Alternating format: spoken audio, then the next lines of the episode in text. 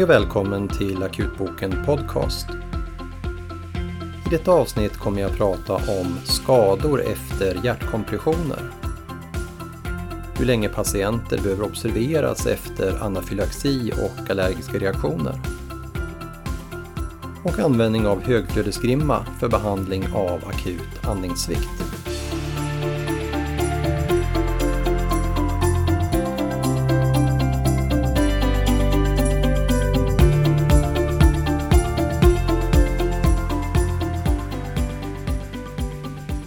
Allt fler patienter som drabbas av hjärtstopp utanför sjukhus får hjärt-lungräddning, vilket är bra och har klart ökat chanserna till överlevnad för dessa patienter. Korrekt utförda hjärtkompressioner innebär dock ett betydande trauma mot thorax och vi vet sedan tidigare att revbensfrakturer är vanligt efter HLR. Under 2018 publicerades en ny studie i European Journal of Radiology där man genomförde en helkropps traumadet på 39 patienter som drabbats av hjärtstopp utanför sjukhus och som sedan fått återkomst av spontan cirkulation efter HLR.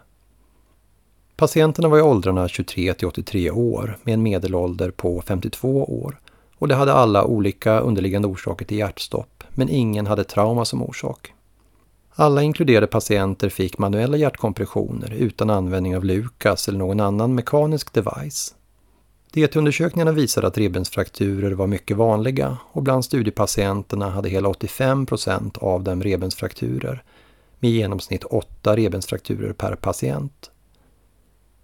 De flesta frakturerna var odislocerade frakturer, men en betydande del var också dislocerade. En annan vanlig skelettskada var sternumfraktur som cirka 30 procent av patienterna hade.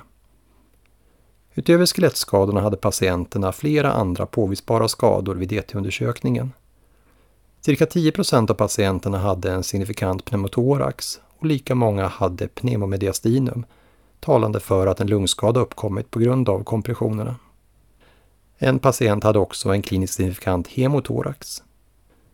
Skadorna som påvisades vid DT-undersökningarna var inte begränsade i thorax utan cirka 10 procent av patienterna hade också skador i buken i form av leverlacerationer med antingen subkapsulära hematom eller intraperitoneal blödning. Sammanfattningsvis visar studien att olika traumatiska skador, både i thorax och buk, är vanliga efter hjärtkompressioner. Men frågan är vilken klinisk betydelse skadorna har. I det initiala akuta skedet är revbens och sternumfrakturerna vanligen inte något som behöver behandlas, men kan självfallet i senare skede ge betydande smärtproblematik för patienterna och även i vissa fall ge bröstkorgsinstabilitet vid förekomst av många och dislocerade frakturer. Majoriteten av patienterna som fått återkomst av spontan cirkulation efter hjärtstopp kommer behöva invasiv ventilation och här finns risk att en pneumotorax kan orsaka problem när patienten ventileras med övertryck. Beaktande hur vanligt det är med revbensfrakturer och att 10% i studien hade en påvisbar pneumotorax är min slutsats att övertryckspneumotorax bör vara en differentialdiagnos att överväga om patienten försämras cirkulatoriskt igen efter återkomst av spontan cirkulation. De vanligaste orsakerna till cirkulatorisk försämring efter återkomst av spontan cirkulation vid hjärtstopp är dock den underliggande grundsjukdomen som primärt orsakade hjärtstoppet eller den sepsisliknande systemiska inflammatoriska reaktionen som patienter med hjärtstopp ofta får. Här ska vi fortsätta att prioritera behandling av grundorsaken till hjärtstoppet samt vid behov understödja cirkulationen med vätska och vasopressorer. Jag tänker dock ändå baserat på studien att vi också bör överväga övertryckspneumotorax som en differentialdiagnos till försämring, då detta tillstånd relativt enkelt kan åtgärdas. Vid misstanke om pneumotorax kan diagnosen ofta ganska enkelt bekräftas eller avfärdas med en bedside ultraljudsundersökning av lungorna, om kompetens finns vid detta. De leverlacerationer som också förekom efter hjärtkompressioner kan sannolikt ibland orsaka en kliniskt signifikant blödning som också kan ge cirkulatorisk påverkan. Men en leverskada är betydligt svårare att både diagnostisera samt behandla. Sannolikt är det få fall som skulle kunna vara aktuella för någon aktiv behandling som kirurgi eller interventionell radiologi för att behandla även en större leverblödning efter hjärtstopp. Varför diagnostik av denna skada kanske inte kommer påverka handläggningen lika mycket som en pneumotorax.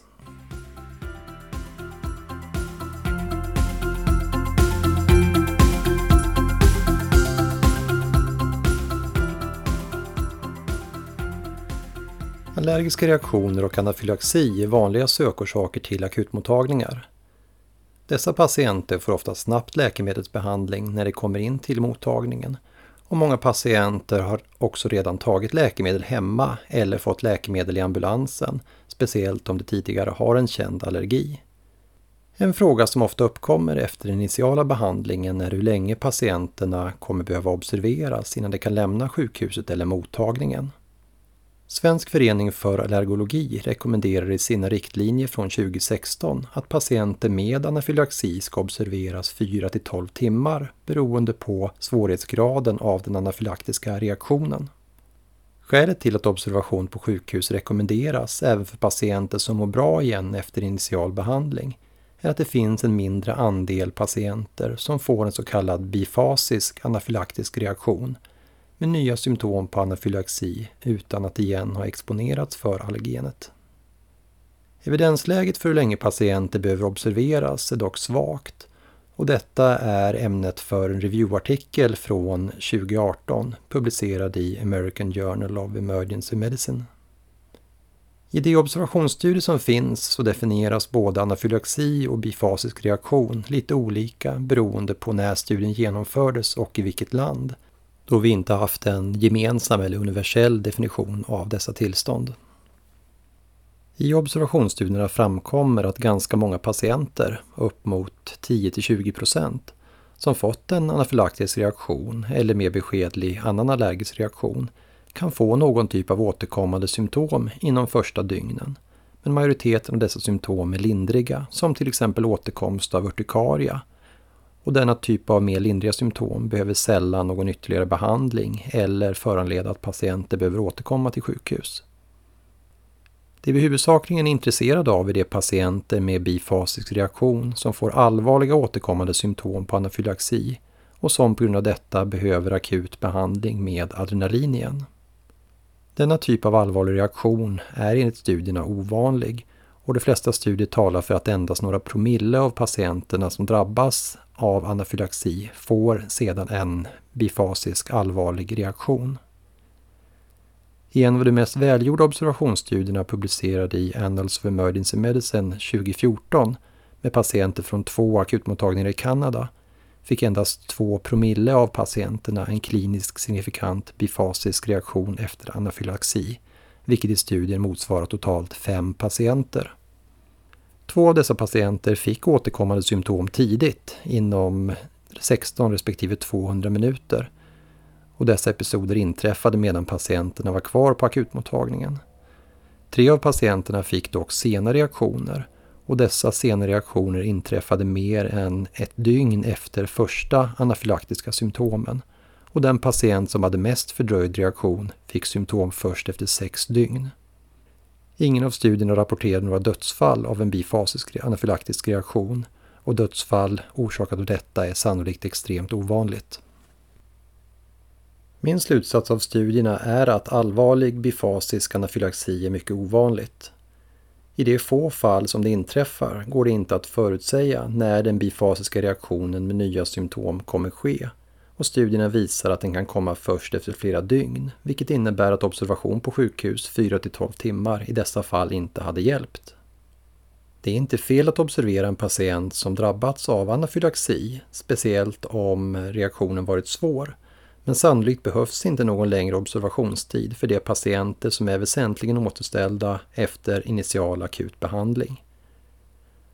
Om dessa patienter har tillgång till adrenalinpenna i hemmet väljer jag ofta att inte observera dem mer än maximalt en till två timmar på akutmottagningen innan de får gå hem med instruktion att återkomma om de mot förmodan skulle få nya svårare symptom. Om patienten inte sedan tidigare har en känd anafylaxi är det som vanligt viktigt att dessa patienter förskrivs en adrenalinpenna och får instruktioner hur de ska använda den om de skulle få nya anafylaxisymptom innan de har kommit till uppföljning hos allergolog. Om patienten istället för anafylaxi endast har andra allergiska symptom med urtikaria eller andra hudutslag finns sällan skäl att observera dessa patienter överhuvudtaget utan här kan det ofta direkt gå hem efter behandling eller förskrivning av antihistamin och eventuellt steroider. Detsamma gäller patienter med angioödem som är lokaliserade på en plats där det inte riskerar att hota luftvägen. Det är dock bra att informera patienter som sökt akut, både med allergiska symptom och anafylaxi, att lindriga återkommande symptom är vanliga under första dagarna, som till exempel återkomst av isolerad urtikaria, och att detta i sig inte innebär att de behöver söka igen till akutmottagningen om de för övrigt mår bra.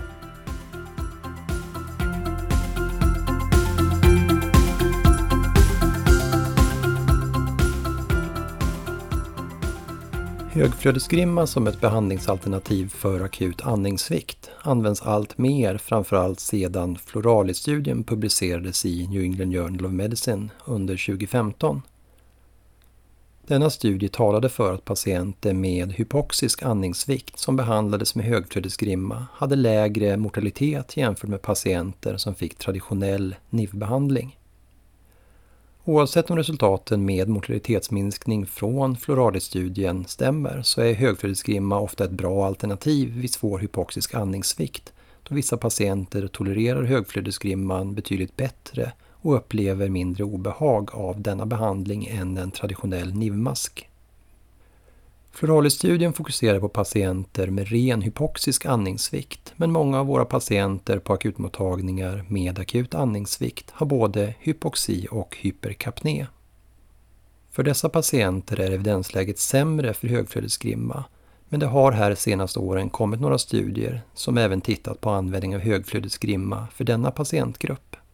En av dessa studier publicerades i Annals of Emergency Medicine nu 2018 och här randomiserades drygt 200 patienter med akut andningssvikt, både hypoxisk och hyperkapnisk andningssvikt, till antingen högflödesgrimma eller behandling med traditionell NIV. Studien var designad som en non-inferiority-studie och sammanfattningsvis talade resultaten för att högflödesgrimman inte var sämre än traditionell NIV att behandla båda typerna av andningssvikt. Ungefär 25 procent av patienterna behövde dock byta behandling mellan högflödesgrimma eller NIV beroende på att det inte förbättrades eller tolererade den initialt valda behandlingen. Det var ingen statistisk skillnad mellan högflödesgrimma och NIV-gruppen avseende antal patienter som behövde intuberas och det var heller inte någon skillnad i hur snabbt PCO2 sjönk för de patienter med hyperkapné oavsett vilken behandling de erhöll initialt. Min slutsats av studien är att högflödesgrimma är ett behandlingsalternativ till traditionell NIV för patienter med akut andningssvikt oavsett om dessa patienter har isolerad hypoxi eller även samtidig hyperkapné. Vi vet inte från tillgängliga studier vilka patienter som svarar bäst på vilken behandling. Men generellt är det viktigt att tidigt utvärdera behandlingseffekten, både om högflödesgrimma eller NIV väljs som initial behandling. Behandlingseffekten bör utvärderas redan inom en timme och ibland även tidigare än så. Om det inte finns klara tecken till att patienten svarar på behandlingen och förbättras bör åtgärder vidtas för att justera aktuell behandling eller byta behandlingstyp. Det är också viktigt att vid användning av antingen högflödesgrimma och traditionell NIV tidigt ta ställning till om patienten har egentligen indikation för intubation och invasiv ventilation istället för de icke-invasiva alternativen. Vi vet att det är bra att undvika intubation för många patienter och här har både högflödesgrimma och NIV gett oss bra alternativ. Men det är också samtidigt viktigt att vi inte fördröjer intubation för de patienter som faktiskt har indikation för detta. Att fördröja tid till intubation för patienter som inte förbättras av de non-invasiva alternativen kan försätta dem i ett sämre läge och sannolikt ibland även försämra deras prognos. Detta var allt för avsnittet denna månad. Som vanligt hittar du länkar till artiklarna som vi gått igenom på vår hemsida www.akutboken.se